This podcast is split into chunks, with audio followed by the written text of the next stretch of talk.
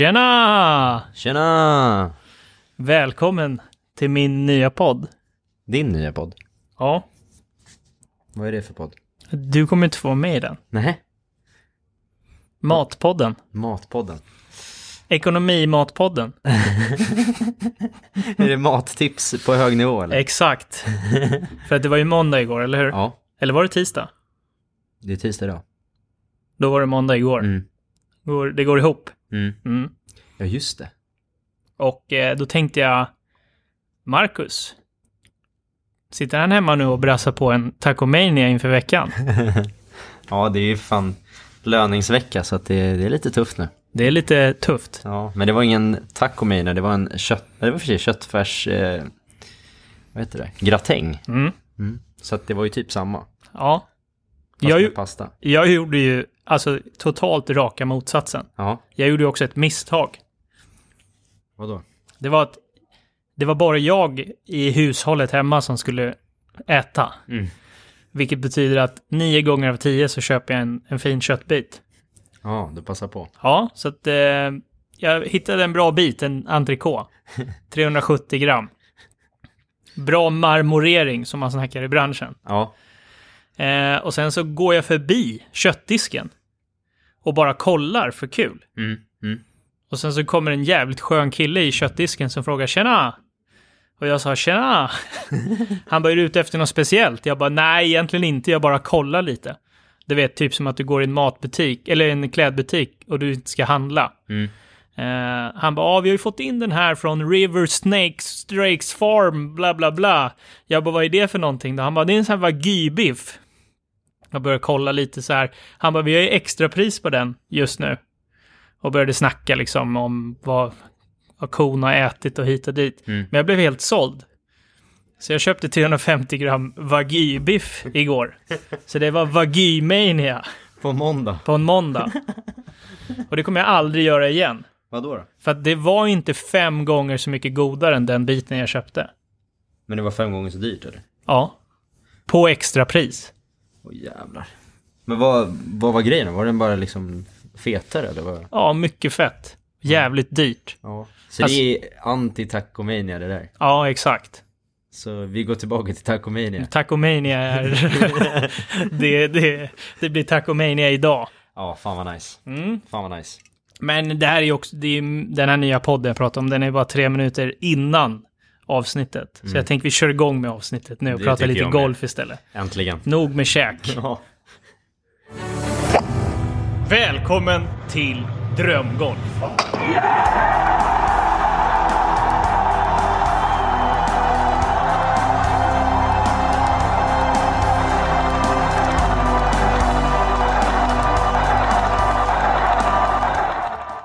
Välkommen till avsnitt 52 av Drömgolf. Nu börjar vi komma upp liksom i... Snart så är, är våra avsnitt ungefär där man kan skåra. 52 på 18 hål, det är lite... det är lite lågt än så länge. Ja, det är fortfarande en niohålssiffra än så länge. Ja, men 52 är ändå 18 birdies på en par 70. Mm. Så att Det är rimligt. det är rimligt ja. Ja, mm. ja. Någonting som är orimligt dock, det är Denilson 13s Instagramkonto. Är den bra eller? Ja, det är ju Sveriges i särklass snyggaste Instagramkonto om man pratar golf. Ja, jag låtsas ju som att jag inte har tittat på det. Det är klart jag kan kolla på den. Det är bra. Ja, det är jävligt bra. Eh, och eh, tur har vi och ni, för vi har nämligen Per Nilsson med oss i studion idag. Välkommen! Tack, tack. Och eh, ja, förutom att ha Sveriges snyggaste Instagramkonto för golfare, vem är Per Nilsson? Ja, vem är jag? Bra fråga. Ja, jag vill bli någon sorts profil inom golf idag. I att jag jobbar väldigt mycket inom golf. Och det var, min väg dit har varit mycket med content, film, foto. Som har skapat det om ett annat. Sen eh, nu har jag väl haft, haft målet att komma längre in än så. Nu har jag nått dit av att sitta lite företag inom golf och lite sånt. Så att, lite mer. Men det är mycket golf i mitt liv. Helt klart familjen med. Men, så att det vad jag är. Om inte annat, precis som du, mycket golfkärlek. Kan inte släppa golfen var det än är. Du, du är besatt. Ja, Det är man. Det är med- jag vill inte säga besatt. Det är absolut. Ja. Jag älskar nörderi, jag älskar folk som gör mycket inom golf och vad det än är liksom. Så att, eh, men det, man gillar ju sporten stenhårt. Ja, för det märker man ju verkligen att man har gemensamt. Vi har ju pratat på telefon några gånger innan. Man sitter ju och pratar längre bara för att man, ja, hjärnorna fungerar likadant. Ja, Man är lika, ja, besatt. Det låter ju, har ju en negativ klang liksom. Ja. Men jag brukar alltid tänka om man hade gjort någonting annat än golf, så mycket som man gör golf, så hade det ju varit eh, rätt osunt. Jag menar sitta och käka mat kanske så mycket som vi golfar, då hade vi Ja. ju suttit i rullstol kanske. ja, helt klart. Men det är kul på vägen. Det är det som är när golf är inblandat oftast. Ja, men absolut. Och våra lyssnare, om ni följer golfkonton där ute i Sverige eller kollar på någon YouTube-video eller ja, något snyggt foto, då finns det ju en ganska stor chans att det är du som har filmat eller fotat. Ja, absolut. Det kan vara lite mindre idag liksom. Det var väldigt mycket förut. Väldigt, väldigt mycket. Det var mer... Vad ska man säga? Jag gjorde väldigt mycket banor och presentationer för banor och anläggningar och foton och sånt. Men jag, jag gör det mindre och mindre. Så att nu är det mycket mer inom kanske golfföretag som gör produkter istället. Ja, att, ja men det är ju ja, det är fint, för, för det vi ska prata om idag, det är ju inte om, om bilderna och filmerna, utan det är vem som gömmer sig bakom kameran. ja. För att du har ju en jävligt spännande golfresa. Som, eftersom du är äldre än mig så kan jag ta mycket inspiration från den resan som, som du har gjort. För att det har ju visat sig att den är, den är ganska snarlik. Jag menar, du har ju inte golfat sedan du var ett litet barn, eller hur? Nej, jag tog väl grönt kort där någonstans vid 20-årsåldern. Och, så att, eh, och, ja, spelade väldigt mycket där när jag var allt från 20 till 25. Det var, var bara golf. Så att, eh, från att ha haft en snowboardkarriär där jag fimpade allt runt den åldern och skadade knät och fick veta liksom nästan direkt att nu är det slut på det här. Mm. Och så försöka hitta något annat i livet. Och eh, då var några kompisar frågade, ska man ut och testa golf? Och jag sågade det stenhårt liksom. Mm. Det är inte coolt liksom. Mm. I alla fall inte då när vi var yngre. Men... Så jag tänkte, ja, men jag hakar väl på det. Jag har inget annat att göra liksom. Så att... Eh, stack ut. Tror jag gjorde par på mitt andra hål. Var helt fast. Ja. Sen var det liksom bara en av polarna tog jag med mig. Vi bara grönt kort direkt.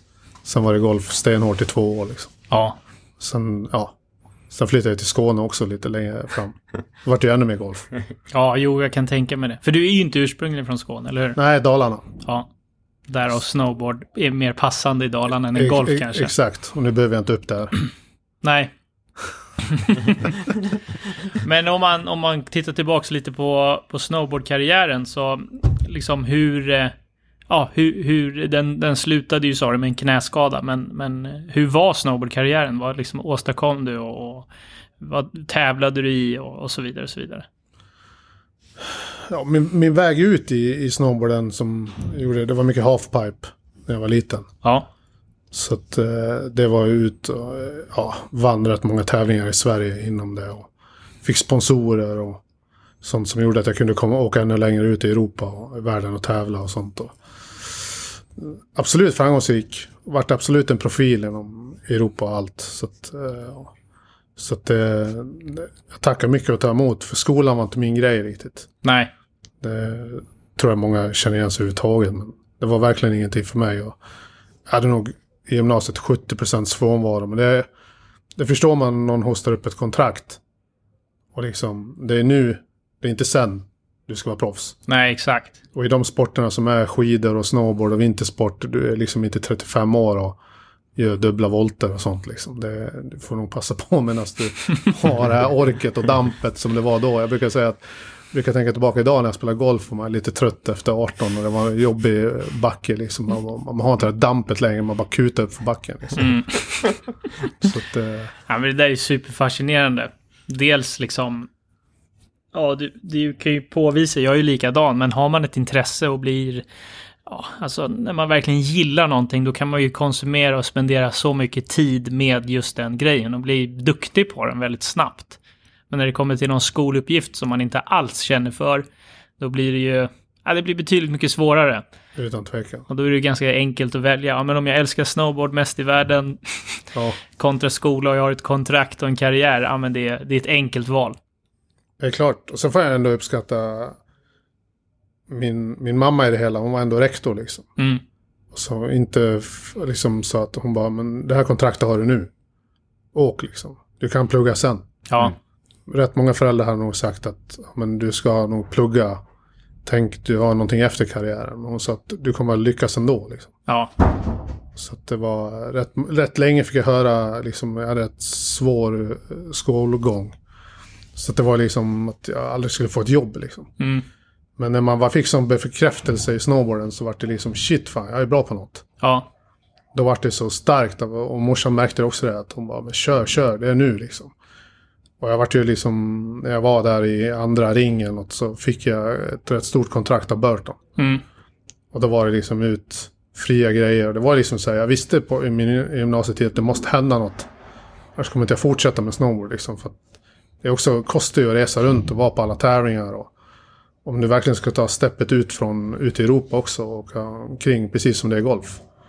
Så behöver du ju sponsorer liksom. Och då Burton då jämfört mot många andra märken var ju de liksom hjälpte åkarna väldigt hårt. Och när jag fick det kontraktet så var det ju liksom, det var ju som natt eller dag. Fria brädor, fria kläder. Du ska vara där, du ska befinna dig där. Liksom, de var, man hade manager till allt.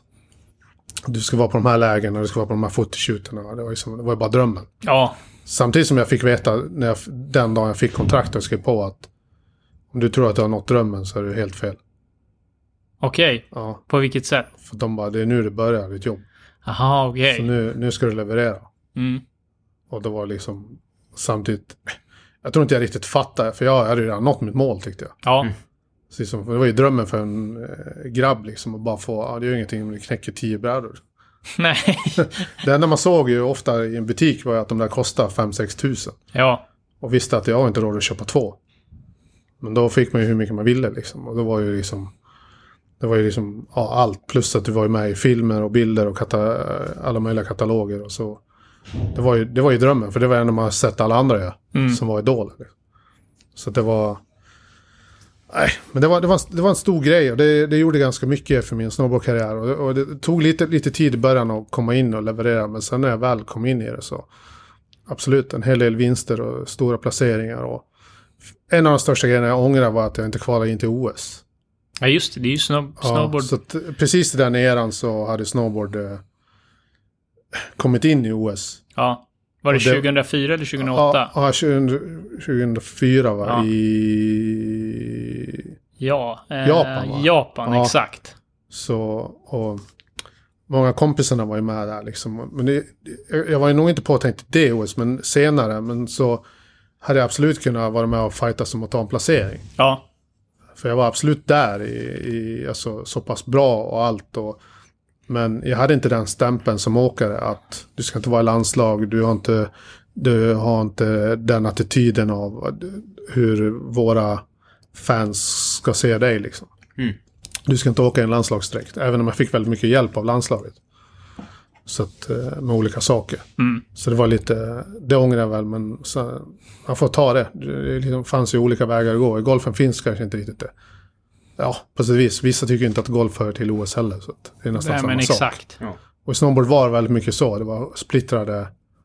Samtidigt som jag tyckte att hur många atleter har man liksom inte tyckt varit coolt i OS. Och ta en medalj eller bara vara där överhuvudtaget. Det hade man ju gjort vad som helst för idag. Mm. Men vad kände ni då? För X-Games existerade då, va? Absolut, och det var ju så här, det var, det var ju snowboardens OS. Exakt, för det var ju snowboardåkare Ja, och fantaster. Det var ju inte... Och ja, vi det var, var inte ju- lika, lika Nej. uppstyrt som OS. på- Nej, på det var mycket sätt. mer på eh, snowboardåkarnas, ska man säga, regler. Ja, Alltså hur de ville att det skulle vara. Och helt plötsligt landslag eh, och hela, hela den biten av världscup och den biten var ju mer styrt av ett förbund som inte många snowboardåkare ville se. mm. Så att, eh, och där var det inte heller kanske lika bra betalt. När vi var på den andra sidan som fanns något som hette Ticket to Ride som var med gjort av snowboardåkare. ja. En världstour. Det- där hållde vi till mycket mer för det var gjort av snowboardåkarna för snowboardåkarna och mycket mer show. och sådana bitar. Det var mycket mer där, plus att vi var mycket med och gjorde filmer och allt som folk skulle se för att köpa grejer liksom. Ja men absolut. Jag är ju också uppväxt, eh, eftersom jag cyklade BMX i, i min uppväxt, jag är ju uppväxt i den världen. Och Mm. eh, då finns det ju race BMX som finns i OS. Eh, Exakt. Mm. och det är ju mer atletiskt än vad det vi höll på med. Det, var inte, Ja. det gick man ju inte att kolla på. Det var inte de Nej. idolerna man hade. De, de coolingarna var ju de som gjorde de fetaste tricksen och Exakt. liksom körde på. Och så delades det filmer. Ja, Så att det är, en, det är en cool värld att växa upp i. Och jag kan bara tänka mig om jag skulle fått ett kontrakt i gymnasieålder på att bli Ja. proffs BMXare och åka i världen runt. Det hade ju liksom... Ja, det hade ju varit min dröm. ja. Eh, Det är en, det är en häftig värld. Eh, Så du har lagt grunden till vad vi kallar för jib här i, i Sverige va? Absolut, jag Ja. var med där i hela den eran och vi var några svenska killar som skapade då något för att vi tryck lite hårt mot landslaget och tyckte liksom inte att de var coola. Så skapade vi något som heter JIB-landslaget. Bara för att så här, retas lite. Och så. Och det, vi gjorde ju filmer och grejer mycket med rails och så, gjorde vi filmer ihop med massa sponsorer och stora snowboardföretag. De stöttade ju det ganska hårt liksom, för de ville inte heller se landslaget liksom. Och det vart ju den nya eran av allt som folk gör idag med street och Mm. det som var väldigt mycket baggy kläder. Idag är det kanske inte lika mycket men då, det, om inte annat så finns det ju street real någonting X-Games som är en gren idag. Ja. Och hela den biten. Vi var en stor grej för hela den biten i Europa. Ja, och då var det mer att ni byggde era egna, liksom, alltså Ja. på vanliga rails ute Ja. i citymiljö typ. Exakt. Ja, Och vi gjorde helt galna grejer liksom. Så att det var, men det gick ju också väldigt mycket, vart väldigt mycket skador. ja det, det kan jag tänka mig. Fan, vi har kört runt snö på släp i Stockholm. Alltså, vi har kört på så mycket rails Ja. hela året och hoppat från hustak till annat. Och, men Ja, det är svårt att pusha gränserna i en sån sport som redan är så extrem. ja. Så att, eh, men det var en kul, det var en nyttig väg. Jag brukar säga det var min... Eh, hela den biten av snowboardvärlden var min uppväxt som, som jag brukar säga skapade mig för att... Ja, vad ska man säga? Istället för en utbildning i skolan. Ja, Så det var, och det var bra att jag var i bra händer som Burton. För att det var liksom, fanns väldigt mycket regler av att ja, så här gör du och så här ska det vara. Och få de här sakerna så ska det vara så här mot fans. Och det var väldigt, väldigt uppstyrt av att ja, du gör inte bara som du vill om du har det här kontraktet. Du, det finns mycket mer du ska göra liksom. ja, Och det var väldigt bra. Så samtidigt som jag väl vart skadad där och det slutade ganska fort och så var det väldigt mycket tävlingar och då tror jag hade väldigt mycket tävlingar alltså kvar i huvudet att jag ville tävla. Och så när golfen kom in så började man liksom spela ner sig handikapp och så var du inne i golftävlingar liksom. Och då var det så här, det som var så bra med golfen då var ju att jag var, behövde aldrig vara rädd. nej, För mycket av slutet av snowboardkarriären var man ganska rädd för att och ska jag skada mig igen eller ska jag skada mig eller vad händer nu? Eller mm. komma in i 80-90 knyckigt hopp och så landa fel. Men i golf kunde du bara stoppa tid. Ja, vad fan, det är bara en boll, jag kan ta upp en till. exakt. Så det var liksom, och det var, eh, det var ju rena drömmen av alltihopa. Och fortsätta tävla. Det gick nog över ganska fort dit, mitt tävlande. Jag kan förstå liksom om du, om du pressar gränsen som du gjort i så många år och sen Ja. till slut så blir ju gränsen, ja den blir ju farlig liksom. Ja. Alltså så att det, okej nu, det är karriären som hänger på livet eller till och med livet som hänger på spel Mm. på de här hoppen liksom. Och så, och så spelar man golf där bollen ligger still, du kan gå runt i flera timmar och hålla på med samma grej och det känns inte ens dagen efter liksom. Ja, och det blir en jävla skillnad men jag tror ändå det som kan, jag gissar, men jag kan ju fråga dig lite om jag tror den här tävlingsnerven ändå kittlar till på samma sätt på ett sätt. absolut, ett bra slag eller du är på väg in och vet att du har en bra score på G eller bra poäng. Då var det ju då, för det har inte kommit ner så långt i handikapp. Men du vet, att du vet ju ändå när du är bra på G med att fan, nu kanske jag plockar den här tävlingen. Man blir lite nervös eller kicken eller att nu går jag för den här på femman. Och normalt slog man ju åtta höger. Drivar liksom. Man var inte så vass liksom. Men det är liksom, du får ju en kick av de flesta sporter. Ja, S- s- Du hittar ju kicken på något sätt. Det gör lika ont att missa som, eh, Ja, som utom på olika olika sport. Ja, lite. Inte, Du kan ju spela bort dig på rätt många, på rätt många sporter. ja, Och jag tror det behövs ibland. För att annars får du nog inte den här kicken av att du kör bort dig eller spelar bort dig. nej, det ska vara svårt. Ja, Och vi har ju pratat mycket om att det roliga jag tycker, och jag tror du delar säkert när man, när man spelar en tävling. och, och känner sig nervös på första tio, eller man känner sig nervös överlag. Det är ju i stunden inte en rolig känsla. Men när man tänker tillbaks på det så är man ju ingen annanstans än i stunden.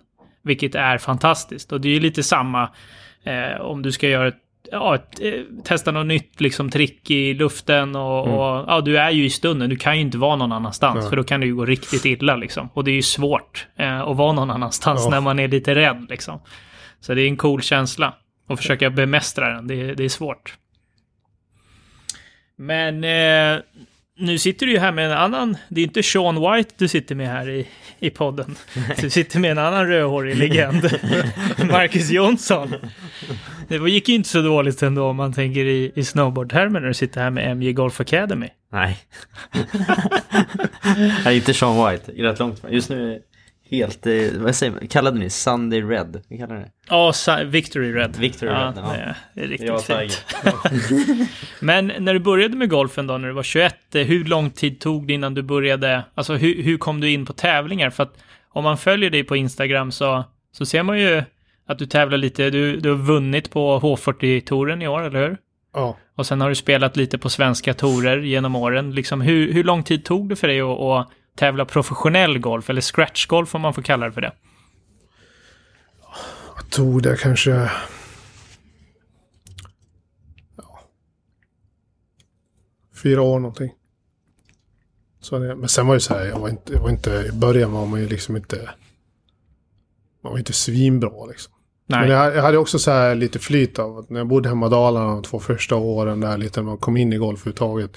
Så hade jag en massa barndomsvänner som var ruggigt bra. Så man fick spela med, jag kom snabbt in i elitlaget där lite. Och så spelade man med eh, kompisar som man har liksom gått i skolan med som var ruggigt bra på rätt hög nivå. Mm. Så åkte man iväg med dem. Så man kom in i ett gäng ganska snabbt bra. Som även om de var långt före mig, de hade kanske liksom plus två, plus tre då. Mm.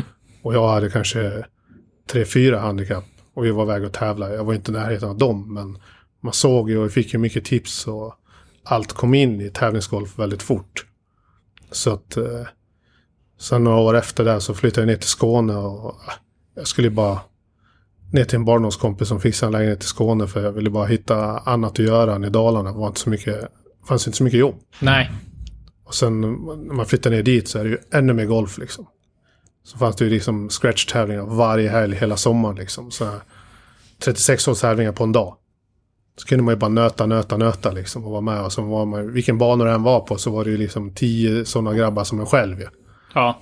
Vilken klubb den var på där nere i Helsingborg. Så det var ju... Det gjorde ju väldigt mycket av att man bara fortsatte att hitta likasinnade. Mm.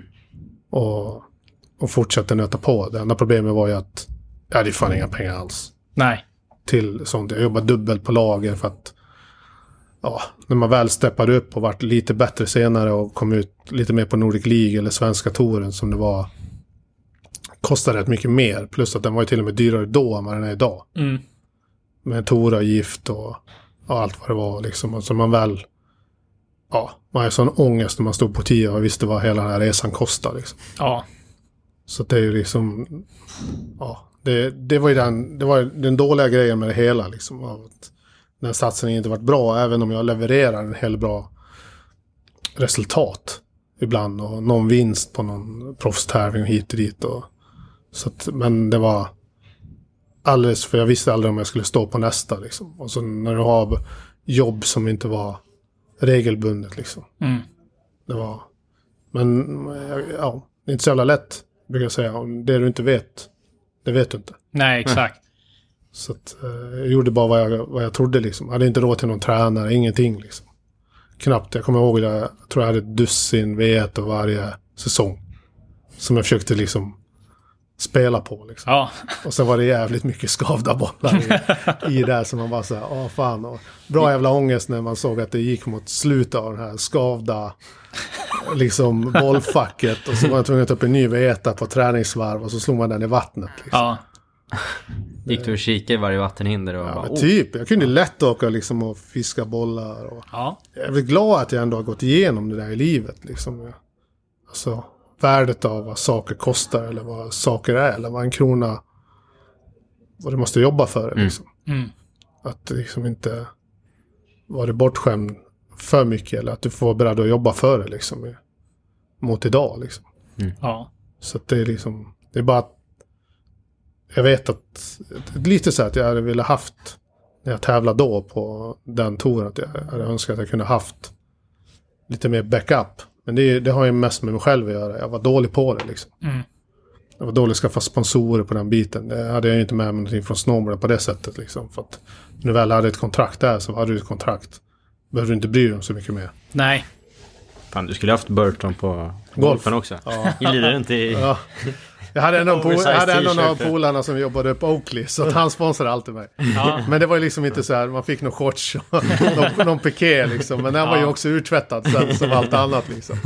Det var ju liksom eh, samtidigt eh, så att, nej men jag vet, många liksom, som du vet ju wedgarna, liksom, man bytte ju bara 56an, den som var mest nödvändig. Ja. Andra såg ut som skit liksom. Och ändå skulle man vara torig. Ja. Det enda man hade råd att byta var handduken. Liksom. Ja. En 20 kronors handduk Typ. från Jysk. Skulle precis säga. Ja, den, den ser man ju ofta Ja. på bägar. Det är ju torigt med en liten större handduk som man hänger över klubborna. Det, det, det vet man ju. Jag vet, jag vet att vissa spelare, de, de brukar gå... vet, Många omklädningsrum har ju handdukar. Exakt. Så de går med sin handduk som de har haft innan då. Så slänger de den i, i tvättkorgen och så, så tar de en ny därifrån. Inte så snyggt att göra kanske. Nej. Ska vi sätta någon handikappgräns på att ha handduken på det sättet? För det är ju sällan man ser typ... Min farsa skulle ju aldrig komma med handduken på det. Nej, den måste ju vara vit också. Ja, den ska vara vit. Det är så det att man ser att den är använd. Ja, Så det är torigt. ja. exakt. Vad är handikappgränsen på att ha en eh, Tor handduk. Tor-handduk? Vad ska jag säga? Är det fem eller? Ja, det är väl då om inte annat många börjar vilja bli toriga om inte annat. Ja. Jag vet ju lätt att jag ville bli torig när jag hade liksom fem, fyra, tre handikapp. Då försökte jag nog vara mer torig än vad jag var när jag väl var Av att det, liksom, man kollade ju lätt in polarna som var på touren. Liksom. Okej, wedgarna där nere, järnen i mitten, Ja. träklubborna där uppe, putte, så, ja. Typ vilka klubbar var det som gällde liksom. Exakt. att, men jag kan ju tycka att det är ännu roligare idag när man ser de här som har en handduk i bakfickan. Liksom. Och torka bollen. Men det är ändå praktiskt. Ja, jag vet. Jag har just... Jag, det finns ju sådana riktigt små handdukar man Ja. kunde köpa. Jag köpte ju sådana när jag tränade mycket wedgar förut. Eh, så jag, jag har ju inte haft den i bakfickan för den har ramlat ut, men jag har spänt fast den i skärpet som jag använder då. Eh, bara för det praktiska. Så du hade skärp förut i alla fall? Ja, I, äh, innan du försökte vara torig? nej jag tror... det det, det är Tor. det som är roligt nu, att jag sitter och sätter gränser på att se Tor ut. För att jag började min Torresa när jag kanske hade 19 i handikapp. Next vet, level. hade ju liksom så här, jag höll min finish Mm. eh, riktigt länge för att det var torigt. Och det är ju kul att kolla tillbaks på det nu, men jag tror ändå någonstans att det är ju inte negativt att vilja vara torig om man lägger ner tiden för att bli torig. Ja. För jag hade ju inte 19 i handikapp i speciellt många månader. Nej, men sen förstår jag liksom att man vill gärna ha... Man, oftast klär man sig lite bättre och, och har en ny handske eller en, eh, en handduk som hänger på ett visst sätt. Liksom. Det känns nästan bättre att gå och då ställa sig och träna eller gå ut och lira. Men varje gång man sätter på sig en ny handske och går ut och lira, då känns det som man ska skjuta typ 54 liksom. För att nu har jag ju bästa förutsättningar. Och en handske är inte jättedyr egentligen, men eh, men man, man sliter ju ändå ut den tills det ja men okej nu, ja, e- en träningspass till kan jag ha den här handsken. Ja. Liksom. Fast till slut så går det inte. Men eh, det är ändå liksom, ja det är lite speciellt. Än så länge. Ja, men det är det. Men jag tycker det är jättehäftigt egentligen att gå från att vara liksom en supersponsrad professionell snowboardåkare till att ja, men, ha ångest över sista provvetan. Det är ju en ganska... Eh, ja, det, är en, det är en stor kontrast. Verkligen. Men det är ju det är fantastiskt för att man kan ju inte påstå att du har... Du har ju inte lite prylar nu. Du har ju ganska mycket grejer. Ja, nu, nu har jag grejer. Ja. Utan tvekan. Eh, och då, ja, men då uppskattar man ju det på ett helt annorlunda sätt. Eh, än, alltså, du kommer ju ihåg den här sista skavda provvetan. Nu kanske till och med finns, inte obegränsat, men nästintill obegränsat med bollar. ja, nu finns det mycket i alla fall. Det är helt klart. Ja. Så att, eh, Ja, men fint. När, när liksom... Eh, för du tävlar ju fortfarande. Har du liksom varit av och på i, i ditt tävlande av golf? Eller finns det, har du liksom bara haft en långsiktig satsning? Eller är det bara kärleken till sporten som har gjort att du, du åker dit och, och fortsätter och, och, och grinda liksom? Ja, jag, ja, jag har haft pauser i golf utan tvekan. Mm. Jag har ledsnat och sånt. Och sen, men den första gången jag slutade från att man hade tävlat var liksom när man insåg att jag har ju inte råd med det här liksom. Jag har inte råd att åka ner till någonting i Europa eller Spanien eller man hade kvalat in till något och hade något, någon kategori till någonting. Och, och till slut vart man ju bara less. Och plus att även om jag någon gång försökt åka iväg på någon tävling så står man där och ja det kvittar ju fan det går här. Det kommer inte, det, jag kommer inte vidare härifrån ändå sen. Mm. Och när, det, när du inte kan ha råd att stå på starten liksom, då, då är det svårt liksom, att, att motivera sig själv och bara åka hem även om det är kul att bara stå och träna wedgar. Liksom. Mm. Och sen var det liksom med att ja, men jag måste styra upp livet på ett helt annat sätt. Så att, och, då, då slutade jag där en gång och så jobbade mycket på en golfbana, gjorde jag ett tag. Visste rätt mycket att jag, jag ville jobba inom golf med någonting. Så att eh, om inte annat startade jag ett företag då, väldigt många år sedan, som gjorde siktpinnar. Så jag var först i Europa att göra alla de här siktpinnarna. Jaha. Så det gick ju från liksom noll till rakt upp. Satt en trend som var helt enorm. Jag hade lite flyt. Liksom att jag hade en tjej då som gick college. Hon hade med sig sådana här pinnar från USA som då sitter vid vägar liksom. Det var vad collegespelarna hade då. Och de, då tog jag sådana pinnar och så hittade jag en fabrik i Malung. Som eh, kunde göra de här pinnarna och så ja, började jag liksom, och så hade jag kompis som hade jobbat med marknadsföring liksom som vi bytte lite tjänster och skit. Allt liksom, fick ihop några affisch och grejer och vi mejlade ut alla tränare. Sålde det som smör liksom. Mm. Och på hela, jag visste ju mycket väl att jag var också att nu är jag på väg in i något som mitt mål var mest då att kan jag säga med mitt startande av företag, jag ville ha någonting jag kunde jobba, alltså jag kunde styra över själv lite. Jag ville ha ett eget företag liksom. Som, för, det var inte så lätt att liksom söka på CVt med olika tjänster. Man hade 70% frånvaro i snowboard. Nej. Söka bara, men jag var proffs. Kan jag få jobb här eller? Ja. Nej, inte riktigt. Så jag visste rätt mycket att jag skulle skapa någonting själv. Och så på den biten, vi- när jag startade här då, så visste jag att det här kommer också bara vara en fluga. Det kommer bara funka något år. Men ta med så mycket du kan av det och skapa något annat sen liksom. Ta med kontakter eller vad du gör eller... Och mitt mål var med pinnarna då ganska tidigt. Jag visste att jag ville in hos någon av de större företagen och göra deras pinnar. Mm. Det var mitt mål, så jag var ju på möten hos alla liksom och gav, jag vet inte hur många tränare. Jag tänkte ju golfen, det är liksom, det är, där vill man ju jobba. Ja. Och liksom, jag tänkte alla tränare, alla, alla betalar allt. Tänkte jag ju liksom. Jag varit rätt lurad rätt mycket liksom. Och, men det var inga stora jättesummor liksom. Alltså om någon lurar mig på lite pinnar liksom. Så det var inte, det var inte jättefarligt. Men det gick rätt bra väldigt fort. Så jag tog också fram lite andra träningsprodukter. Men jag visste också att när du skapar en fluga så då kan du absolut, som det var då, liksom omsätta ganska mycket väldigt fort. Men så visste jag att men sen kommer ju Golfstore med egna pinnar och bara nästan döda marknaden. Liksom. Ja. Det visste jag, men då hade jag redan skapat rätt mycket kontakt med alla de stora och kom in på ett helt annat sätt. Och fick lite andra små grejer med uppdrag. Och det, det var en bra, bra grej. Och då, då var det mycket så att jag ska försöka liksom göra mitt eget inom, på något sätt med något företag. Mm. Och efter det... Sen hade vi ju film och fota hela livet i, i golf. Eller i, i snowboard. Sen kom jag in och fick kontakter och så tog jag upp kameran igen lite där med. Och så kom jag in i golfen och så började jag göra lite det. Och så kom drönarna sjukt tidigt och så började jag fastna för det. Mm. Och då byggde vi våra egna liksom. Jaha. Det var ju fem stycken i Sverige som höll på när jag började liksom. Ja. Och då kunde man ju säga, och då hade jag ju alla kontakter från att jag sålt pinnar med golfbanorna. Så skickade jag ju liksom, ah, liksom att, ja men kan vi... För att jag har det här och kan göra det här. De bara shit, det var inte så svårt att sälja in drönare liksom. Alla ville ju ha bilder. Så Ja. det var ju liksom... Det var, det var väldigt lätt liksom. Men då drönar videos över golfbanor då, alltså Ja. primärt? Ja. Ja, och gjorde väldigt mycket bilder till de flesta grejerna i Skåne. Sen fanns det rätt mycket andra fotografer som började kolla efter. Men alla hängde ju inte med. Antingen hyrde de in mig och så tog jag bara de bilderna åt dem och sen fixade de det. Men då var det lite, vad ska man säga, den biten vart rätt stor och då kom man ju ännu längre in liksom. Men så, med filmandet, men så tänkte jag att, ja, ska man säga, drönarna utvecklas ju enormt. Så nu var vi är idag med att du köper ju inte en drönare och bygger ihop någonting idag. Nej. Då kan du ju bara gå rakt in och bara köpa en ny drönare på Mediamarkt. Mm. Så kan du göra ett schysst om du bara kan klippa det bra eller redigera det bra. Så kommer du få ihop någonting riktigt bra för drönarna är så pass bra. Men så var det inte på den tiden. Då hängde det en systemkamera under liksom.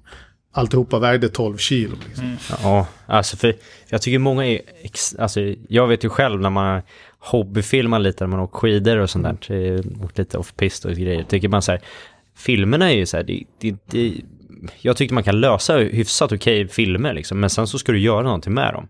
Och den kunskapen är det väldigt få som har. Väldigt många köper en GoPro eller någonting Ja. som de aldrig har gjort. Typ så här. Man ser det sitter på hjälmen på småbarnen liksom och åker runt. Men man ser ju aldrig de filmerna eller någonting. Utan Nej. man filmar ju, tittar en gång och sen raderar man skiten. Ja, så det blir ingenting av det för många. Nej. För de vet inte riktigt vad det är de ska, heller ska skapa. Så det är ju, jag vet inte hur många familjer eller så här farsor som liksom har... Per, kan du, kan du göra någonting till min son liksom? Alltså jag har gjort det till så många som... Alltså du vet, så här, som bara anlitar mig privat. Till deras son liksom. Han vill ha en cool film, han vill ha en cool GoPro-film. Ja. Jag gjorde mycket till GoPro när GoPro kom också. Jag hade en polare som var i de kretsarna. Så vi kom in där fort liksom. Och var sponsrade och gjorde GoPros filmer tidigt. Så samtidigt när jag tog med mig liksom allt från snowboarden in i golfen och gör coola grejer. Det var jag väldigt, väldigt tidig. Och det gjorde ju liksom, öppnade ju upp för att om du tar alla golfediterade filmer lite förut. Då var de inte så roliga liksom. Nej. Det var väldigt uppstyrt. Alltså någon schysst bana, någon solnedgång, något slag. Och så liksom inte nå, inte, de var inte coola. Idag är ju alla typ ungefär som crossfilmer och snowboardfilmer idag ju. Många blir ju mycket mer så här drönare och följ bollen och allt det där. Men jag gjorde det väldigt, väldigt tidigt som öppnade upp väldigt mycket dörrar och visade något som de inte hade sett. Nej, det där är ju sjukt häftigt. För tar man, om man tar extremsporten, om man Ja. tar skateboard, snowboard, skidor, BMX eller whatever i Sverige. Mm. Jag har ju klippt egna filmer på mig själv i liksom Windows Movie Maker och tagit, eh, nu är de flesta filmerna borta från YouTube, men när man var så här 13 år så satt man och klippte filmer och delade på forum. Och sen innan det, när man var på tävlingar, då köpte man ju DVD-er, alltså de coolaste liksom cykelgängen i, i USA. Det fanns en serie som heter Road Fools då, kommer jag ihåg. Som var liksom det bästa att kolla på. Det var kanske 10-15 av de bästa BMX-åkarna, de coolaste i hela världen. Som ja, åkte runt i USA i en buss egentligen. Till olika, alltså, olika områden och, och bara cyklade. Och den scenen var ju extremt tidig med vad som idag är typ vloggande eh, eller att man klipper sina, sitt egna material. För att det är ju egentligen ingen sport som hade stora budgetar eller fick den exponeringen, så att man skapade ju den exponeringen själv. Så det du gjorde egentligen tog den scenen och bringade in den i golfen först i Sverige, mer Mm. eller mindre. Och det är jävligt coolt. Så det öppnade ju upp väldigt mycket. Och det är kanske därför också jag är hos Puma Cobra idag. För att när jag väl kom in dit och började där med saker och ting smått. Sen lite fick jag ju ett kontrakt som ambassadör. För jag började spela golf senare igen liksom. Men mest för att det var kul. Inte för att jag skulle tävla bara. Och då liksom tyckte de att shit, du är ju...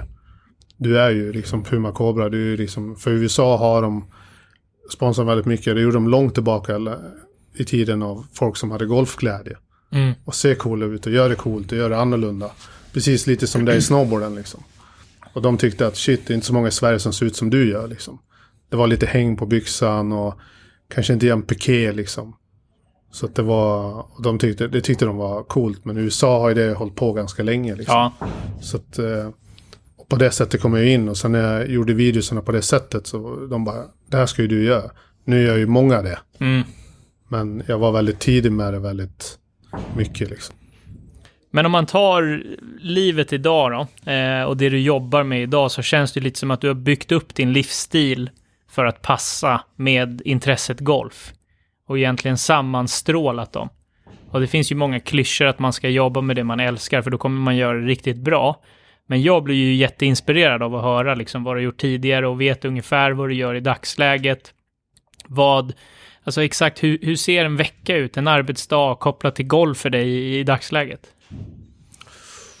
Ja, vad ska man säga? Absolut att jag har skapat mitt jobb har ju blivit väldigt mycket golf. Också för att man kan golf och kan golf väldigt bra.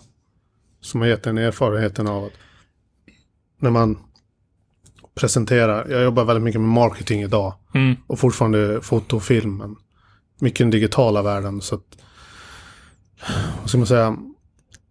När du vill kapa tid för företag som jag gör idag. Mycket med att ja, men om vi lägger någonting inom marketing och så kan man prata golf. Vad är golftrenderna och det. Så får jag mycket uppdrag inom, inom golf. Liksom, liksom skulle du anlita någon för BMX som du har sysslat med. Mm. Så kommer du kolla på någon som kan inom det. För att, då behöver inte du förklara för den personen vad den ska göra. Mm.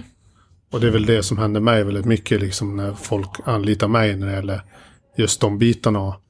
När jag sitter med marketing för olika kanaler eller någonting eller kampanjer så vet man ju själv av alla trender med kanske, vi kan ta Erik Lang eller vilken YouTube-kanal ska vi kolla på, vad ska vi vara lika eller vilka, vilka är våran kundkrets. Liksom. Ja.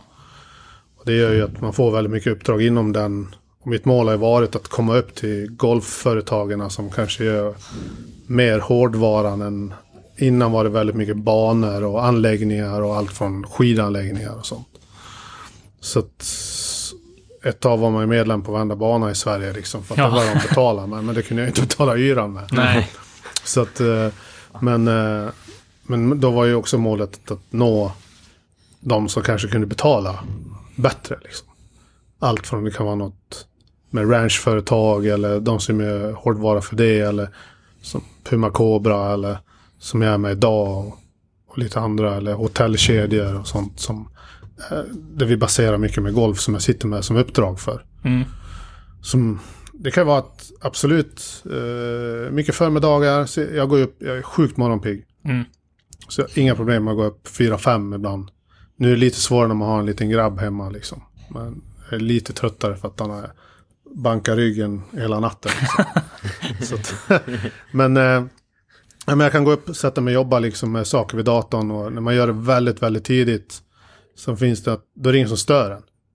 Det finns ingen värre än när du sitter någonstans och jobbar och du kommer in i ett flow med någonting. Jag vet inte om det är redigering eller vad det är du skriver eller vad man gör. Och så ringer det och så kommer du av dig och så ska du in, in tillbaka till det. Det är väldigt svårt att komma in i det igen. Mm. Tycker jag. Men sitter jag förmiddagar då vet jag i alla fall att då kan jag sitta och klämma av väldigt mycket. Och sen kan jag sticka till golfbanan kanske vid 9-10. Någon annan polare som ska spela så kanske vi spelar på två timmar med bil. Sen iväg på lite möten. Se vad man har skickat ut för mail.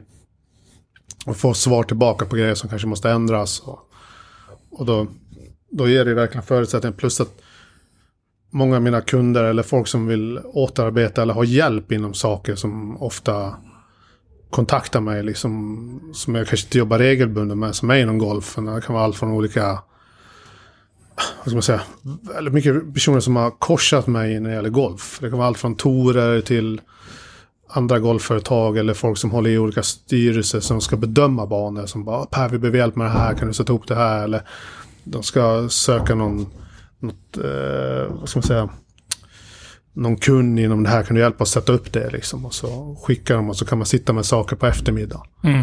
Så det blir, ja, så, det är mycket förmiddag, eftermiddag och där innan, då kan du ju, då kan du spela när det är ofta väldigt tomt Ja. på förmiddagarna vid 8-9 när det inte är så mycket.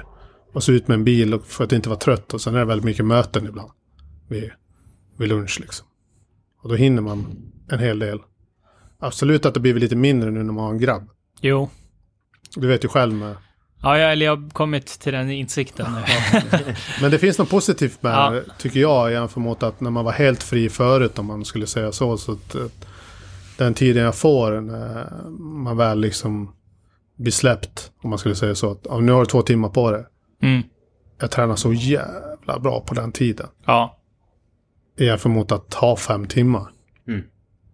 Att det har gjort stor skillnad av att okej, nu måste jag verkligen lägga ner. Jag har, jag har inte mer än en timme. Det blir, det blir bara två hinkar liksom. Mm. Men gör det bra. Så det, det har gjort en stor förändring tycker jag i mitt... Alltså slå bollen hela tiden. Ja. Så man skulle kunna säga efter du blev farsa så är alltså kvaliteten av träningen är betydligt mycket viktigare än Verkligen. kvantiteten. Ja, Ja, för det är ju, ja det är ju, har jag ju förstått liksom. Nu har inte jag, nu har jag varit lite skadad och ja, det har inte blivit mycket golf sen jag blev farsa, men, men när jag hittar egentligen min struktur i vardagen så har jag ja, förstått nu att det, det kommer ju bli mindre timmar. det kommer inte bli lika mycket junishäng som, som du och jag det, pratade det, om innan. det, är lite, det är lite synd. Det är kul det hänget också. Ja, det är skitkul, men Ja. det, ja, det kommer fokuseras på, på kvalitet. Men det finns ju också killresor ibland. Eller hur? Ja, absolut. Absolut, absolut. Jag tycker en grej som du har haft en liten beef om här i, i podden tidigare Max, det är ju någonting som du nämner. Att du, en förutsättning för att du ska typ hinna spela golf och orka spela golf med ditt jobb är ju att du, ja men jag lirar med golfbil. Du sa ju att du, Ja. du är nog den som har lirat mest golfbil i år tror jag. Ja, jag har nog flest timmar. Ja. Och, och det är ju liksom någonting som man ofta får höra, i alla fall oss då som är, alltså jag får ju höra hela tiden så fort man sitter i en golfbil, ja ah, ska du sitta i bil, det är bara för pensionärerna liksom. Men man ser det som en möjlighet för att kunna spela 18 år. Det är jävligt jobbigt att springa runt på två och en halv timme annars liksom. Helt klart ju. Ja, det har jag också fått höra jättemycket där nere liksom. ja, Så att, eh, men ofta är banorna som är går också med på att hitta en deal med lite fria bilar och, och dra på en faktura liksom och sånt. Och det, jag tror nästa generation av hela den här biten av att många behöver ha det fortare och jag brukar säga ja men jag ska in i möten sen, jag tänker inte sitta där trött. Liksom. Och kutar jag runt och spelar och så ska jag hinna där på. Så är helt slut sen och så ska vi ta något liksom beslut och grejer och så är man helt seg. Men har jag bara, jag vill ju bara slå de här slagen på de här lägena. Det är vad jag är ute efter med golfbil. ja, Jag är inte ute efter, för jag spelar inte golf för att få motion. Nej. Jag kan ta ett lö, löpande sen. Mm. Eller hur? Det Ja, måste, det, må- absolut. det, den konditionen måste ju inte vara över tre timmar. Den kan ju vara på ha- 30 minuter sen. Liksom. Ja, alltså jag skulle ju gärna vilja se någon ta och gå på promenad på löpbandet liksom i tre timmar. Och sen, Ja. men gör det istället då. Ja, Ja men det tar för lång tid säger de då. Ja. men, vissa, vissa kanske inte vill ha det här som motion. Alla är ju inte som alla andra personer utan nej. jag tror ju både liksom, jag känner mig likadan, du känner likadant. Jag tror att det, hela USA är ju så. Man spelar med golfbil liksom. Ja men absolut. Jag är mer intresserad av siffrorna på scorekortet. Exakt. Inte siffrorna på stegräknaren. Liksom. Det, är, det är totalt ointressant för mig. Eh, men det där är ju liksom, ja, det är ju egentligen den nya tiden. Alltså, Sverige är ju så efter med golfbil. Helt klart. För att padden slog ju stenhårt nu när den kom. Eh, och eh, många som golfade mycket gick ju över till padden för att det tar inte fyra och en halv timme. Så att om man kan effektivisera allting och göra det snabbare och ändå få in liksom 18 hål. Nu är ju två och en halv timme, det är ju extremt snabbt. Då ska det ju vara tomt på banan. Ja. Och sen så ska man ju inte vara mer än en tvåboll liksom. Eh, och eh, ganska duktig golfare, så att det går fort. Men, eh, ja, men man måste effektivisera. Så är det. Och det Jag tror också att, jag tror till och med att de yngre ska behöva ibland göra det. För att inte jag, men lära vad jag lägger energi på. Mm. Även om du har väldigt mycket energi om du är 20, 25. alltså, Även visst när man kommer upp i min ålder lite mer mot 40 och allt det här. Man måste tänka till. Jag har liksom inte alls samma energi längre. Nej. Men att jag brukar ändå tänka tillbaka ibland av att shit, vad la jag energi på? Vad var nyckeln för att jag det här och det här? Det får du mer och mer svar på när du blir äldre liksom. Ja. Och jag tror att en hel del av att skador kan komma in. Visst att det kommer från eh, massa slå bollen liksom. Men det kan också vara att du kan också spara väldigt mycket energi på att bara åka golfbil ibland. Det behöver inte vara dåligt. Det, behöver, liksom det, det finns ju mycket i det som kan ge det hela tiden av att jag sparar energi, jag lägger det där, sen åker vi och tränar någon annanstans. För det. Sen att det är inte så att jag inte, inte vill gå. Det är klart jag drar något varv liksom där vi, där vi går med polarna. Om det är en fyrboll och jag har, vet på söndagar att vi spelar på eftermiddagen. Då går vi alla. Liksom. Men jag kan ju lätt säga att de flesta varv är med bil då. Jo, men om jag fick välja så hade ju de... ja, det är ju väldigt många golfbilsvarv för mig också, men om jag fick välja så åker jag ju mycket hellre golfbil. Jag med. För att det går fortare och om du skulle ha tid efter att träna så ja, om du har en timme efter att träna puttning eller wedgar eller whatever så kommer kvaliteten på den träningen bli betydligt mycket bättre om du inte har slösat energin på att gå eh, 18 hål liksom. Så att, eh, för mig är det en no-brainer. Ja. För, ja men det är ju de här, vi har ju snackat mycket om det i podden, de här gubbsen som kommer fram. Eh, och då försöker man ju artigt förklara att eh, du är dum i huvudet, sluta ifrågasätta mitt golfbilskörande. Sköt ditt. Så jag brukar säga så här när de där kommer. Det är lugnt. De kommer inte vara här för all evighet. Snart är vi den generationen och då kommer vi med bil. Ja, exakt. Det är, det är sant. Men, men lever ni efter... Eh, jag tycker många brukar säga... Jag, för mig spelar det faktiskt ingen roll, men många är ju väldigt duktiga på att säga att jag spelar mycket bättre när jag går. För att jag får mer tid och bla bla bla på mig att förbereda mig. Men jag tror att alltså, om man spelar mycket bil så vänjer man men, sig. men också så här. Ska man säga så här. Om du, har, om du har spelat den banan som du nöter mycket på. Ja. Hur ofta gör du ett annat klubbval från 10 där du vill? Du, du vinner om en event eller någonting om det är en, en fyra istället för en drive eller något för att jag inte behöver slå drive eller något om det är motvind eller vad det är. Ja, strunt samma. När du, har, när du har slagit den i fairway och vet att vet du nästan vilken klubba det är in. Eller hur? Ja, Det ja. är inte så att jag behöver gå fram dit för att jag ska komma på att det är den här nian igen. Alltså, Nej, nej, jag vet ju nästan direkt att ja, därifrån så borde det ju vara, det kommer vara mellan pitch och nia. Mm. Jag behöver inte tänka så mycket mer på det. Så skjuter jag bara kikaren och bara slår sen. ja. Alltså så många, jag, jag köper det du säger. Ja, men jag måste ju gå för jag... Ja, men det är ju bara en rutinsak ju. Mm. Det kan vi väl skapa en ny. Det gör vi bara med bil igen ju. Mm. Så är det. Tre, fyra varv med en bil och du, ja, helt plötsligt så har du skapat det igen. Det som, jag kan säga vi har några stycken som, det är killgänget på Barsebäck som kör väldigt mycket bil. Uh, vi har lite så här att när någon annan är med i det gänget och åker bil som inte brukar åka bil. Då brukar vi bara säga åt dem att så här funkar det när du ska åka bil med oss. Du sätter inte på headcovern och stoppar ner den i bagen. Du gör det när du hoppar in i bilen och medan vi åker bort i bollen. Alltså du vet, du skapar en form av det. Ja, För ja, att det ska vara absolut. smidigt. Så att om, om din medspelare som sitter bredvid dig som kör slår. Då är det bättre att han hoppar in i bilen, tar med headcovern, sätter på det där. För det blir mer flow. Vi hittar ju en sorts flow i det. Och hittar en form i det. Mm. Sen vet vi att men så är det ju inte när vi går sen. För det går behöver vi inte träna på. Det har vi gjort hela tiden. Ja. Mm. Ja, men det finns ju också en form, typ så här, ja men så här flyttar du på bättre när vi åker bil. Ja, ja, absolut. Ja, Förutsatt att eh, banan är tom då. Ja, Ja. exakt. Det är en annan sak om du väntar, då, kan du ju bara sätta ner den. Och, men det är liksom... Vad är, vad är det som är så svårt att skapa som ska vara att vi bara kör fram och vi behöver, behöver fundera så mycket på det här slaget?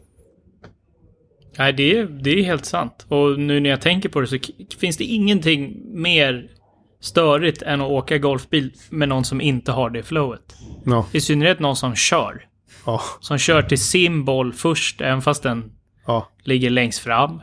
Eh, De som man har bra flow med, de, man mäter ju åt varandra. ja. Så att liksom allting går väldigt fort. Det är bara, ja, vi Ja. åker till din boll, du slår, Ja. vi åker till min boll, du slår.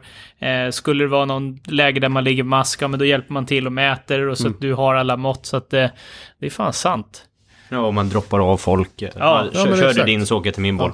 Istället för att man står där, pang, hoppar in i bilen, åker till sin boll. Alltså det, när man ser det, det är hemskt alltså. Ja, det är- Vissa det- ska inte åka bil. Nej, det är som jag brukar säga, om du, får välja, om du får välja en golf som du ska fortsätta med resten av livet. En bana och en, go- en sorts golf. Jag brukar säga, ja men det är amerikansk golf. Ja. Finns ju inget bättre. nej, det De går tycker fort. inte ens att du är konstig. Man bara, kan jag spela 18 till? Absolut. Du kan få mat efter var fjärde hål. Mm. Tack. Du kan få en pizza, du kan få en dricka. Man bara älskar ju det. Ja, Och så bara, bara spelar du, bara åk. Mm. Liksom. ja, det är ju fantastiskt. Sen, Ja. sen har ju, vi har pratat mycket om kostnader på golfen i Sverige i den här podden. Ja, Eh, det antar att om golfen är så, så lägger man ju mer pengar på golfen där. absolut. Så att det är ju det. Är ju det. Eh, men det finns ju inte så många klubbar som kanske, eller det finns inga klubbar i Sverige som jag vet erbjuder det. Fri bil.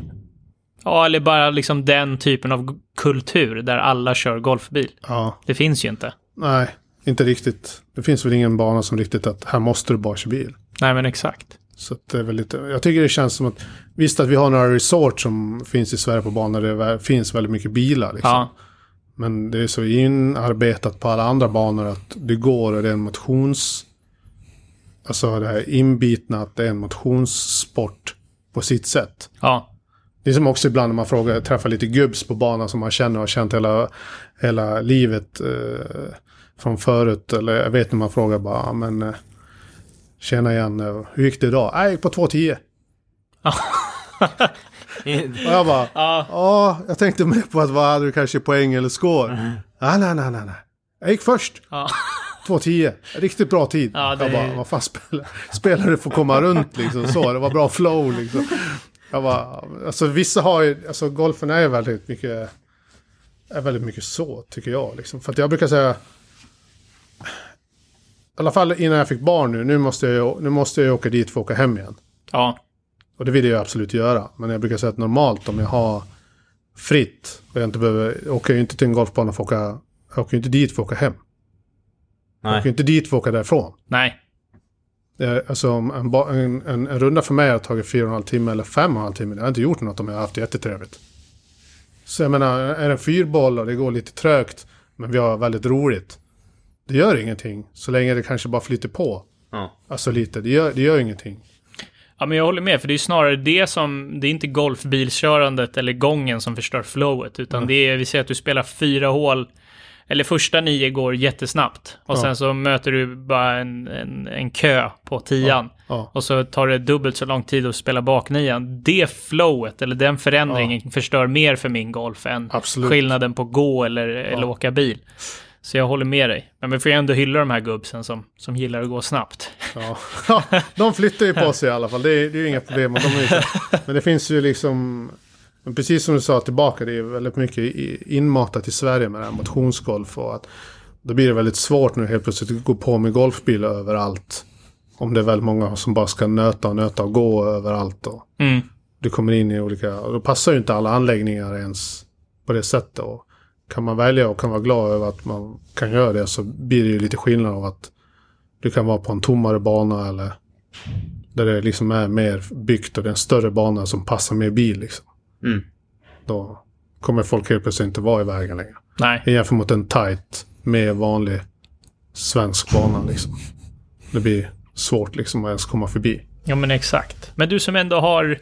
Du har ju spelat enormt många olika typer av golfbanor. Om du fick ranka den bästa banan i Sverige. Och det vore ju roligt om du liksom borts... Att man bortser från de... de ja, vi säger liksom ja, Visby, Brohof, Ullna och Österåker och Barsebäck. Vad, har du någon sån här... Någon, någon gömd... Eh, gömd bana som är lite underskattad som du skulle rekommendera att spela? Alltså jag hade det förut. Ja. Nu har man ju blivit så lite blind för nu har man ju bara hållit till på de här lite ja. Men eh, det finns bara ett problem. Alltså, jag kan ju säga direkt. Parkbanan, eh, vad heter det, gamla banan på Bokskogen. Mm. Supertrevlig parkbana. Ja. Rätt snäll, kan vara lite halvtuff från vit. Väldigt kul från gul. Lite synd att de har haft lite problem med grinerna liksom annars. Och lite, lite mycket folk på anläggningen. Ja. Förut var den väldigt fin och allt och den är en sån riktig pärla liksom. Jag tror också den ändå ligger lite högt. Vi gjorde förut på ranking i alla fall. Men Ja. den är en sån... Annars, ja, vad ska man säga? Den ligger... Den var i alla fall en pärla förut väldigt mycket. Plus att efter nian så hade de hemgjord korv med hemgjord ketchup. Jaha, Hur mycket, nice. hur mycket gör inte det liksom? jo, jo, Du absolut. vet så kommer in där, smäller du två så fick du lite småkoma. Smäller man en så var man fortfarande, vad jag brukar säga, då kunde man hålla sig lite fit. Ja. Då kom man ändå runt liksom på Du har, tia. du har käkat några korvar? Ja, då har man, då har man klämt den. ja. Men det är, den banan är supertrevlig. Det handlar inte om att det är någon sån här masterbana eller så här. Man mår bra där. Alltså när man kommer in där, klubbhuset och grinen och allt. Allt det så är man bara shit, här mår man ju bra liksom. Stämningen blir väldigt bra för många där tror jag. Så att, eller för mig vart det i alla fall när jag började vara där nere och så kom dit i början liksom och spela. Så tyckte jag det var shit, det här är något speciellt. Även om det inte är någon sån här bana som folk snackar mest om. ja, men fint. Det är ju alltså så här, för man vet ju liksom vilka. Och många har ju spelat dem, eller man vet att man borde spela dem. Om man tänker de här stora toppbanorna i Sverige. Absolut. Som håller bra klass liksom. Ja. Så att, Och en annan fråga, för du har ju spelat eh, golf över hela världen. Och eh, vilken är den bästa golfbanan du någonsin spelat på? skick eller upplev... Alltså, Alltså, ja, För det där är intressant, för att upplevelse för mig ja, är... Jag, när jag var i Portugal i, i vintras Ja. eh, med två stycken gubbar, eh, så de tittar betydligt mycket mer på inramning och liksom sceneri av ett golfhål än vad jag gör. Mm. Utan jag ty- tycker mycket, eller så layouten på själva hålet och skicket blir då en, en faktor för mig. Eh, det är det viktiga. Mm. Så det spelar inte så stor roll hur det ser ut runt omkring så länge liksom layouten och, och hålet i sig och banan är rolig. Mm. Så det är viktigt för mig. Sen har ju du säkert ett helt annat rankingsystem än vad jag har. Vad, Ja. är, vad är din bästa den bästa golfbanan för dig? Så jag har en bana som ligger nummer ett för mig. Ja. Som så här, som... Som finns det för banor som kanske har varit bättre skick än den liksom. Men den, den kommer ändå... Det har lite med upplevelse att göra. Jag hade flyt att komma till äh, Skottland för många år sedan. Med en kompis in i ett, ett killgäng. Som... Äh, företaget hade kommit igång lite, gick äh, lite bättre liksom. Jag hade lite ekonomi i alltihopa och så tänkte jag så här. Så hade en kompis och frågade i slutet av säsongen bara, men du måste ju hänga med till Skottland. Vi, vi är en man kort, det är en som är sjuk. Så jag bara, ja, men vad är det då? Ja, men vi ska dit och tävla i fyra dagar liksom. Mm. Mot skottar och det här är ett gäng som alltid åker. Men du, måste, du, du får veta direkt, jag fick veta direkt liksom att de bara, men bara för att du eh, får följa med nu så betyder det inte att du får följa med nästa år. Så man fick veta direkt liksom. ja. Det Tror inte att det är något. Nej, exakt. Jag tror inte att du tillhör det här gänget. Liksom. Ja. Så man bara, jag bara, nej, nej, nej. Men de bara, ja, men du betalar, de har gjort allt, skottarna har gjort hela resan klar liksom. Så trodde jag, de bara, ja men allihopa är medlemmar på Old Course och uh, Canusto och allt det där liksom. Skottarna och så är vi fyra svenskar som åker över och så. Eh, de har liksom satt ihop ett gäng som alla känner varandra på något sätt. Som de har korsat livet på något sätt. Och jag känner ju en av svenskarna som, som var med i den klubben jag var med då. Så att, eh, och då, så jag bara okej. Pröjsa hängde på liksom. Tänkte nu måste jag liksom. Det var ju början av allt min, liksom man kunde börja unna sig lite. Mm. Så jag var ju svinnervös, du vet, åka till Skottland, bara, ska spela med skottar. Tänkte, det kan ju inte bli bättre. Jag trodde ju, jag visste inte ens vad vi skulle i Skottland. Jag tänkte så här, ja men vi ska ju säkert till Old Course och allt det där. Det var ju inte det, vi skulle till andra sidan. Något som heter Macrahamish, ligger mot irländska kusten.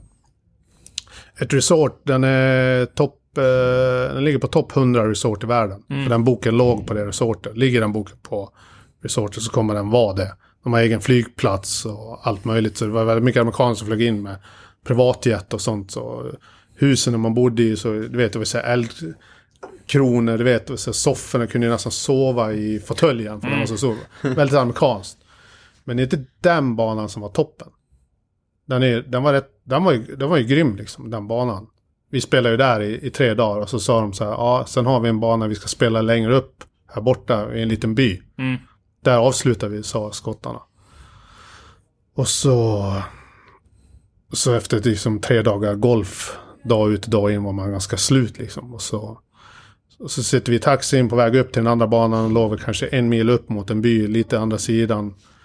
Ja, låg också i vattnet liksom. Och så när jag kommer, vi kommer in i byn, mitt i där så parkerar vi på en parkering och så ut, jag har ut skorna på, de bara skriker Per, du ska upp på tid, du är ute i första boll liksom. Ihop med då eh, var han, den ena killen jag fick spela med då, han var klubbchef på Canosti. Mm. Och så var det någon annan kille liksom. Så alla de här var rätt stora höjdare som var med i det här gänget. Lite flyt liksom. Jag kommer in i bara bananskal liksom. Och någon hade ett bread and breakfast 150 meter från Old Course. Liksom och sånt och... Ja, och vi står där. Eh, klubbhuset ser ut som en, eh, kan jag tänka mig, ser ut som ett sprängt hus liksom. Alltså sjukt eh, risigt liksom. Och allt. Och så går jag in och bara, ah, finns det något scorekort, finns det någon banguide? De bara, glöm det. Det är bara spela. Du ser pinnen där och ser du inte pinnen så kommer det sitta ett kryss bakom green. Så kan du tänka att pinnen står 10 meter framför det. Jag bara, okej. Och så, de andra hade ändå spelat banan innan för de, hade, de brukar ju göra den här resan. Så jag bara, första hålet såg inte ut att vara mycket för världen. var det ungefär 2,50 rakt fram och så såg man en upphöjd green där. Tänkte inte så mycket på det. Så såg man liksom att allt såg ut som bara låg på en bondgård. Liksom. Man såg ju, ja, det kom in kossor och får och sånt på banan. Och... Så efter tre hål liksom, så började allting öppna upp sig. Kom vi upp på lite kullar och så bara, och jag bara shit. Och så tänkte jag, alla tis, visst de brukar vara fyrkantiga. Men alla griner där var fyrkantiga. För att det var en bonde där som skötte den där banan. Allt var fyrkantigt för att det skulle gå snabbare och klippare, han hade räknat ut. Han hade typ bara två klippare hade en grinklippare då, och sen hade han en klippare som man kunde höja och sänka för fairway och, och ruffen. Det var han klippte med. Och det var bland det coolaste. Eric Lang för något år sedan gjorde han en skottsresa. Han spelade den banan och hyllade den stenhårt. Mm. Och jag har pratat med den här banan ganska länge för många och det är inte många som har hittat dit. Du betalade efter vad du tyckte att det var värt. Mm. Så när jag, vi la ändå i en, tror jag, 250-300 kronor innan vi gick ut. Men jag la i lika mycket när jag kom tillbaka. Ja. Och så efter den, den upplevelsen av just det varvet. För jag tror att så du vet inte riktigt vad du ska förvänta dig. Och så när vi bara hade gått så här, jag bara shit, det här är bland det coolaste jag spelat liksom. Det var så jävla coolt. Ja, allt var fyrkantigt. Allt var liksom så här, och så var det liksom... Det kom in och vi stod på höga höjder vid havet, vid klippor och allt. Och det var... Det var, det var svincoolt. Jag säga, hela den upplevelsen var enorm. Och så hade jag absolut bra sällskap, men... Så vart det, jag vann hela den turneringen också. Så på, på en sån här stor jävla buckla så står Ja. mitt namn och så ska man ihåg på slutet när vi har prisutdelning. De bara Per, du får fortsätta vara kvar i gänget. Vi behåller dig i den här Facebookgruppen. så vi har, jag, jag är fortfarande så här, det, det var ändå så här, det var rätt kul liksom. Ja. Och jag var så här, för mig då var det ganska stort. Och jag vill hålla kvar det så liksom på något sätt. Även om jag har råd att åka till, och varit runt ganska mycket idag. Ja. Men då var det så jävla stor upplevelse av att jag bara shit. Men Erik Lang höjde den här banan enormt när han gjorde sin resa där också. Jag kan ta fram sen vad den heter i, Ja. i telefonen. Ja, ja men det är ascoolt. Ja, det- det, det låter lite som att det är en här praktikanten som får hänga på och så blir han anställd för att han har gjort ett bra jobb liksom. Eh, Så var det verkligen. Jag fick verkligen på plats. Du måste känt dig rätt lite när du klev ut på första tid på första rundan. Verkligen. Liksom. Ja men du vet man träffar alla de där. De bara, vem, vem är det där liksom? Och så, men visst, jag satt ändå i, i bil i typ fem timmar med två skottar. Och Andrew som var den ena killen som höll lite, han var ju supertrevlig liksom. Men de andra var ju lite bakadragen. Och man tänkte ju också så här, ja här kommer en mörk kille och bara... Jag fick ju veta direkt av rätt många, ja, men det är inte säkert att du får komma här och spela igen liksom. Alltså i det här gänget. Jäklar. Sen gick det som, jag kommer ihåg första par trean. Den slog jag liksom en hög sjua i motvind. De bara skakade på huvudet. ja, du kan inte spela links. Nej. Och så eh, gjorde jag boogie på sista hålet för att gå på banrekordet. På Mackerhamish nya banan. Ja. Men det var strunt samma, men det var så här, de bara fan, du kan ju spela. Du är liksom så här, det var rätt kul liksom. Och de brukar ju, vi skriver i den här gruppen och de brukar bjuda över mig. Nu har jag inte hunnit tyvärr, men jag ska ju lätt över och hälsa på dem och spela lite där liksom. Mm. Ja. Så att... eh, För de är ju ändå på rätt schyssta banor, men nu har vi inte haft riktigt tid senaste. Men den upplevelsen och den banan där som var... Man hade en så sjukt lite förväntan på den banan när man stod vid det klubbhuset. Mm. Det såg så jävla risigt ut. Och jag bara tänkte, det här är väl bara någonting någon har skämtat om. Alltså du vet när man står där och det ser ut som en halvsprängt. Det känns som att det är jävligt långt ifrån ditt eh, Burton-kontrakt. eh, När du stod, sa du inte det första tiden? Här. Hello. Ja, Du ska inte prata engelska, jag ska sluta nu. Nej, Marcus har ju börjat prata engelska här de senaste poddarna. Nej, men, det där är ju... Det där var ju en riktigt bra story också. Det gör ju att man blir... Eh, det låter ju som att det är dit man vill åka. Helt klart. Jag brukar rekommendera, ska du åka och spela Macrahamish som är en av dina avprickningsbanor, som är en känd linksbana Ja. i där. Skottarna hyllar den banan för att den, jag tror de har satt minst spadtag i, från tee till green liksom. Ja. Och det märktes ju, det stod inte platt någonstans, även om inte banan var mycket upp och ner. Så stod det inte platt någonstans. Mm. Men det var ju också kanske åtta blinda griner. Så man bara, vart är grinen? De bara, ja men du har en pinne med ett kryss där, då är den framför. Så du ska slå över den kullen så ligger grinen där nere. Okej. Så det var liksom, du vet, så, här, så var det liksom. Men skottarna höjer den banan själva väldigt högt. För att de har inte tagit så mycket spadtag i Macrahamish banan liksom. Ja, coolt. Ja, det är ju riktigt coolt. Och det är ju där golfen kommer ifrån också. Så det blir ju sådana saker som gör det coolare. Det är ju långt ifrån mästerskapsgolfen i USA och Florida liksom. Absolut ju. Absolut. Ja. Ja, men häftigt. Jag eh, har blivit väldigt inspirerad av det här avsnittet. För du är en väldigt inspirerande människa. Men, eh, och jag försöker ju någonstans designa mitt liv så att jag kan golfa så mycket som möjligt och göra så mycket som möjligt av det som är roligt. Men det var väldigt intressant att höra att det inte alltid varit lätt. Nej. Det har inte alltid funnits eh, liksom obegränsat med dyra Ventus-skaft och fina golfbollar och ja, spela med Carnoustis klubbchef i, i Skottland. Men ja, det är jävligt inspirerande att om man fortsätter göra någonting över tid, lägger ner sin själ i det, så får man fina saker tillbaka. Absolut. Vad är dina tre tips till någon som sitter på ett tråkigt jobb och, och skulle hellre vilja spela mer golf eller ägna mer tid åt sina intressen? Vad är dina tre bästa tips? Alltså ett kan ju lätt vara att, om vi tar golf. Att, är- många säger så här, ja men... eh, Jag kanske måste jobba inom golf för att jag ska spela mer golf. Ja, men du ska inte vara ute på en golfbana. För då vill du inte vara där. Om du ska vara där fem timmar, sen ska du ut på banan fem timmar till. Det kommer inte vara kul. Nej. Det är, det är inte så lätt. I alla fall om man... Jag jobbade en hel del på en golfbana förut. Alltså, inte som greenkeeper, men ja, du vet, klippa gräs och allt det här. Men det är inte kul då heller att ja, men nu ska jag ställa mig och slå wedgar. Men du klippte det här i förmiddags. Nej. Liksom. Men det, det är inte heller. Men att, absolut att du kan vara kanske inom golfvärlden, men i något annat. Mer sitta vid en dator, kanske vara inom golfvärlden och prata golftermer. Mm. Då kan nog köpa det, att du hittar den vägen in på det sättet som kan motivera dig. Men samtidigt, för att du ska älska det så måste det finnas något som håller dig därifrån lite. Så att jag har haft flyt nu mycket, eller flyt, jag vet inte, jag har ju skapat det på något sätt. Men jag jobbar väldigt mycket med golf, men jag sitter ju vid datorn och gör det. Mm. Visst att jag kan sitta ute vid en klubb ibland och låna, alltså sitta vid klubbhusen, för det gör jag absolut några timmar då och då. Liksom, och sitter i, och, och jobbar där och sen kan man sticka ut. Men det är ju det, är ju det som gör, men det är ju väldigt en nyckel. Om inte annat, om du jobbar lite innan så kommer du absolut hitta förmånen till att kanske komma ut på de här banorna för inga pengar alls. Eller få den här utrustningen och, som motiverar dig och gör det lättare. Eller du får väldigt mycket golfkontakter i, som kommer att korsa dig. Det gör ju saken väldigt mycket lättare. Ja. Och det är ju, då kanske jag måste in där. Jag har haft flyt och jobba på, eller flyt, jag jobbade på touren innan en hel del och skapade content tidigt och i Danmark och lite med kärleksord. Det gav mig, det har ju gett mig sjukt mycket. Alltså med mycket kontakter till allt från Echo och folk som rankar banor i världen och som sitter i olika det. Som jag brukar säga, som har gjort att jag kan komma in på vissa andra banor idag. Mm. Som är privata, som, som man har gjort väldigt stora tjänster till. Och det, när jag är ute och flänger på det sättet. Jag är ändå så här, eller att jag inte haft någon, inte trott att jag kan få något jobb. Så jag hela tiden, jag måste skapa det själv. Mm. Och då liksom har jag ju flängt och flängt och på. Och då, då korsar ju väldigt mycket folk. Och när du kommer göra det så kommer du få de här kontakterna.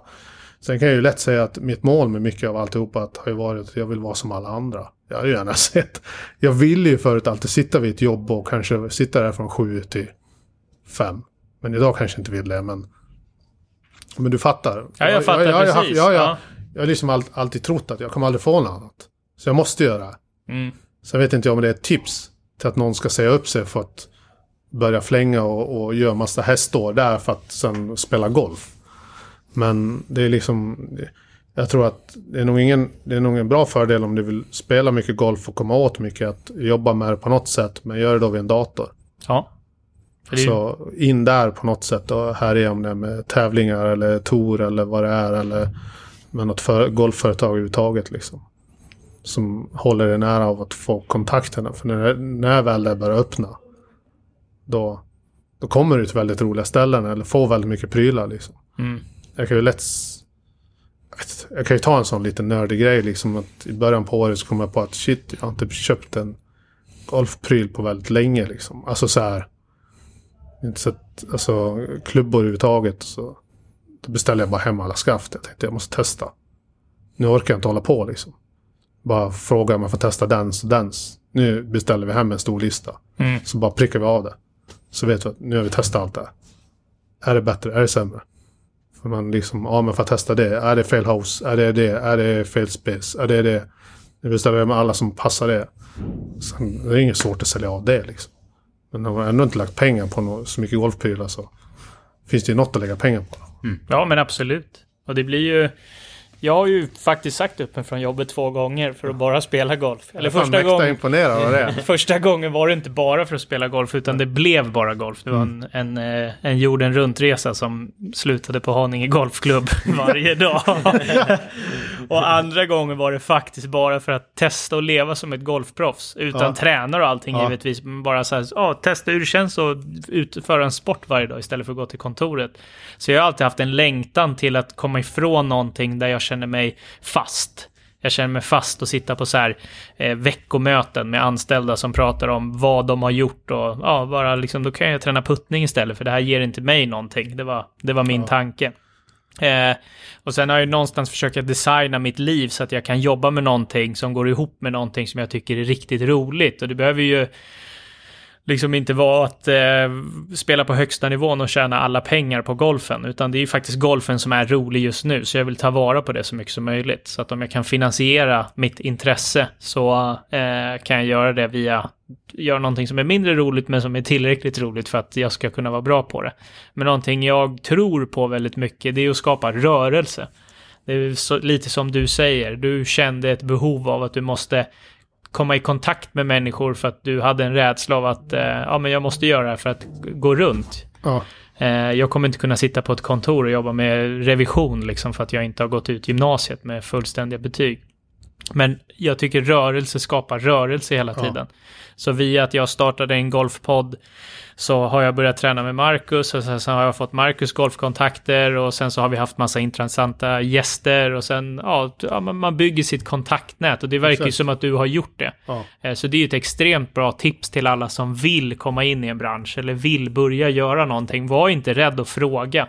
Var lite amerikansk på det sättet att eh, gör din grej, tro så mycket på dig själv, känn att du tillhör varje rum du går in i så kommer allting bli mycket enklare. Och är man blyg och inte riktigt där, ja, då är det bara försöka och våga. Det är det, är det viktigaste. Så rörelse skapar möjligheter. Precis. Eh, ja.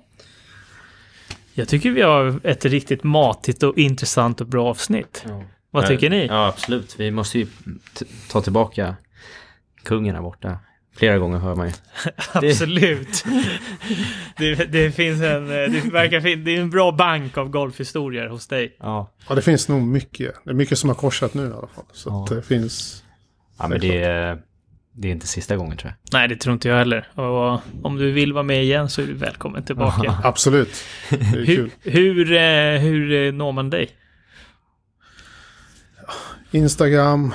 Ja, de som har min mail och telefonnummer har ju, men annars bara gå in på Instagram och så står det där och bara skicka ett PM. Ja, Mm. Så jag svarar alltid, jag försöker alltid vara hands till alla. Hjälpa så många jag kan tillbaka. För jag vet ju själv hur mycket liksom man vill ha hjälp. Jag vet inte hur mycket golfprylar jag har gett bort idag. Alltså till folk som kids, kepsar, klubbor. Nu kommer alla ringa om klubbor. Så mycket till alla har jag inte, men till en del har jag. ja men det är fint. Och du heter Denilson13 va, på Instagram. Ja. Ja, vi länkar den i beskrivningen också. Och eh, tack så mycket. Vi hörs nästa vecka igen. Tja då!